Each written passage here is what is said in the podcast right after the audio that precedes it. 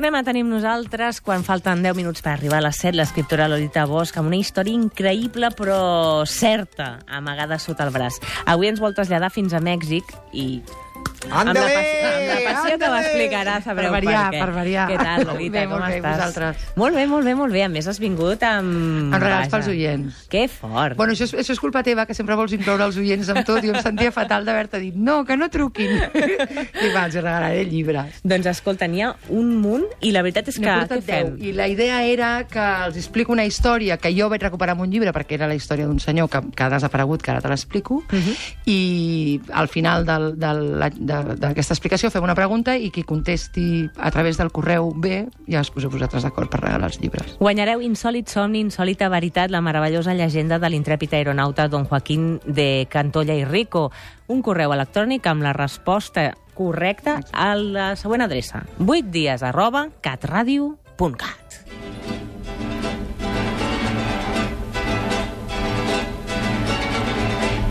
Ciudad de México, no? Avui, Sí. a 25 de juny del 1829. Ole, com ho saps? Oh, és que... és que, mira, m'he concentrat una mica i m'ha sortit. No, sí, el, quan, quan se'n van els espanyols de Mèxic, va començar un període, diguéssim, en què... Ara, quan dic quan se'n van els espanyols, i tothom pensa, què, com és, com és? Ara us ho explico. quan se'n van els espanyols, el que passa és que tot queda fet miques, diguéssim.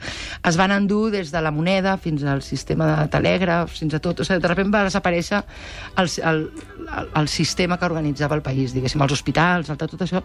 I aleshores va ser una època molt emocionant a Mèxic, perquè la gent va haver de començar a inventar-se coses. No? Uh -huh.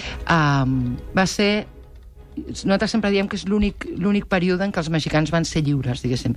Des de que ens en van els espanyols fins que va arribar el Partit de Revolució Democràtica que va, de, institucional que va durar 70 anys.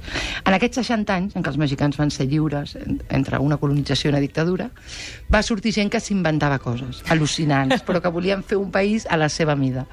I una de les coses era, és aquest senyor que va dir que tothom voldria viure a la ciutat de Mèxic, que és veritat, és la ciutat més poblada del món, diuen que hi ha 25 milions de persones, sí. que tothom voldria viure a la ciutat de Mèxic, però que la ciutat de Mèxic se'ns faria petita perquè està entre dos volcans.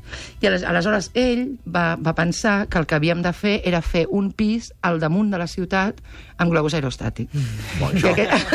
Oh, això. És preciós, la idea era molt maca. I aquesta idea tan estrafalària va poder convèncer a tres presidents de que era una cosa possible. Vale? Aleshores, jo, quan vaig llegir aquesta petita anècdota en el llibre d'un amic, que es diu Fabricio Mejía Madrid, que té un llibre que explica la història de la ciutat, vaig trobar aquest senyor, me'n vaig anar corrents a la maroteca, i sí, vaig trobar el senyor, una fotografia d'un senyor que era molt baixet i tenia molt complex, llavors tenia una xistera molt alta, que era un senyor que volia volar. O sigui, tot el que ell volia fer a la vida, diguéssim, volia volar que és una cosa que ja s'havia intentat. A Mèxic ho havien intentat els azteques, que s'havien fet unes ales precioses com de ratpenat gegant i es tiraven de les piràmides i es mataven. I, sempre tothom ha intentat volar, però aquest senyor literalment se'n a casa seva, va començar a juntar tots els traps que tenia, els cosia de nit, treballava a telègrafs amb els diners que, que li donaven allà, anava comprant més teles, anava juntant, i es va fer tres globus. El primer es deia Moctezuma 1, el segon es deia Moctezuma 2, Molt a favor de batejar els deia- molt, globus. molt. I el tercer es deia México. Llavors, va aconseguir ser la primera persona que va volar a Amèrica Latina. El primer lloc del món on es va volar amb globus aerostàtic va ser a París, i el segon lloc del món on es va volar amb globus aerostàtic va ser Mèxic, perquè aquest senyor volia provar si es podia fer, ell ho deia així, en el cel, les coses que es poden fer a terra. Llavors, ell fe, el seu pla era fer una ciutat amb globus i que hi hagués un globus hort, globus saló de fumador, globus per amants, globus mm -hmm. escoles, globus sala negra per revelar fotografies. tal. I ell va dir, a més, està molt bé perquè donaré feina, perquè quan s'aparquin els globus hem de tirar un ancle i a baix hi ha d'haver algú que la lligui, diguéssim. Llavors això seria com la feina que ell proposava fer. A l'ancorador, no? Seria? A l'ancorador, exacte. Sí. A l'ancorador que té tot el risc de que li caigui al damunt, però bueno, ell pensava això. I aleshores va intentar fer de tot per demostrar que es podia volar.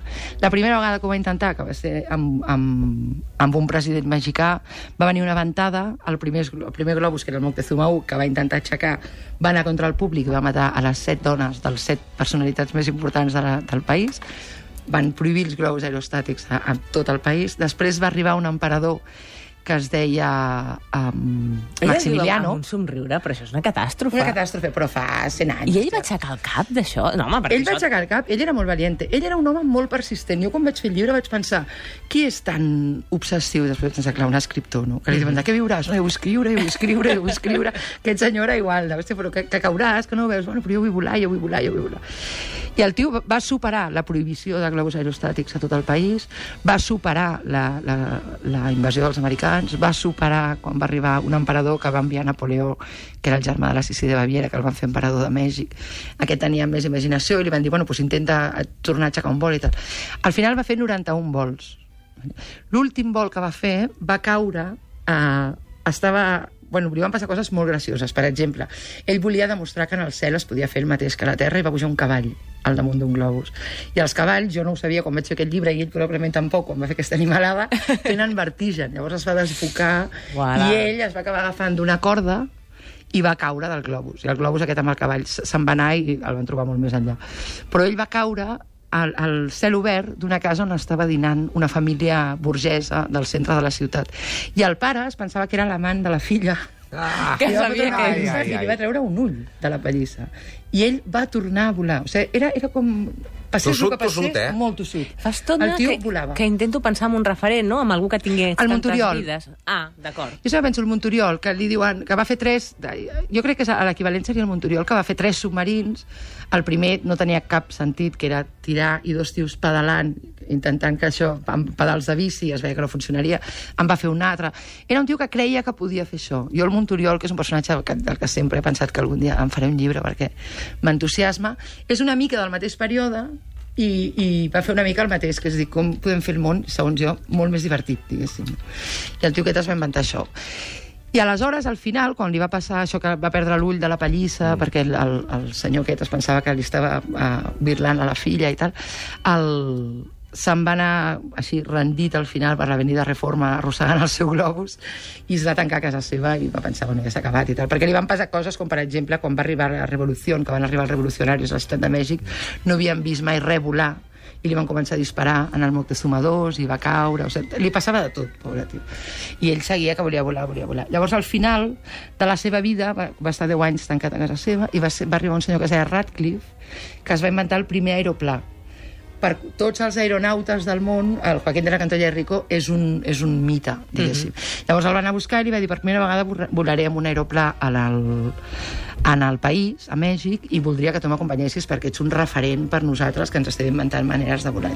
Total, que el tio va pujar, va patir un atac de cor per velocitat a 95 km per hora, i va baixar i es va morir. Però com sempre passa a Mèxic, que hi ha una espècie de justícia poètica que arrasa amb tot, des de, des de que es va morir, cada any se celebra una cosa molt bonica, i jo us he enviat un link per si el podeu uh, tuitejar, uh -huh. que es, es diu el Festival de los, de los Globos de Cantoya. Llavors, els nens fan Mira, mira, estem escoltant ara mateix la aquest link. revolució. Sí, escoltem-lo. de 100 pliegos a 200 pliegos de papel de China. Estamos volando cuatro Això ho fan al costat de Mèxic, es diu Toluca. Són preciosos, els globus. I aleshores els nens fan globus, però gegants. O sigui, fan globus que són la Virgen de Guadalupe o una forma amb 18 costats que semblaria impossible de fer i tal, i encenen les palmetes a sota i fan que voli. La imatge és espectacular. O sigui, poden sortir 200 globus. diguéssim. La veritat és que a la contraportada d'aquest llibre, Insòlit somni, insòlita veritat, que amb el títol ja en revela bona part de per on aniran els trets, i tu ho acabes de fer ara, diu Lolita Bosch va néixer a Barcelona el 1970 i ha jo viscut... no volia fer publicitat. No, no, no, no, jo vull arribar a un punt.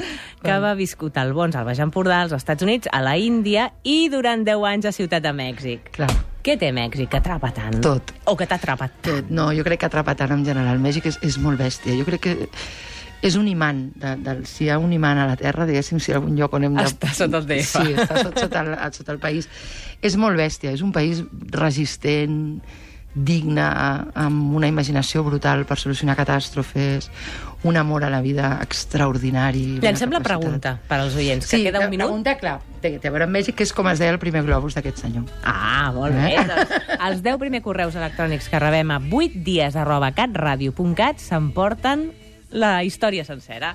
La Lolita, Gràcies. com sempre, ens fa aquest apassionant relat al costat de l'escriptura i m'has de dir un número de l'1 al 15 abans de marxar, Ah. perquè regalarem una cistella Cap Bravo avui. M'encanta regalar cistelles, que bravo. A l'11. A l'11. Al 7, perdona, al 7. Ah, Al 7. al 7, el Xavi Blanc s'emporta la cistella Cap Bravo. Molt bé. Gràcies, Lolita, per haver vingut. Ens veiem la setmana que ve. Moltes Una abraçada.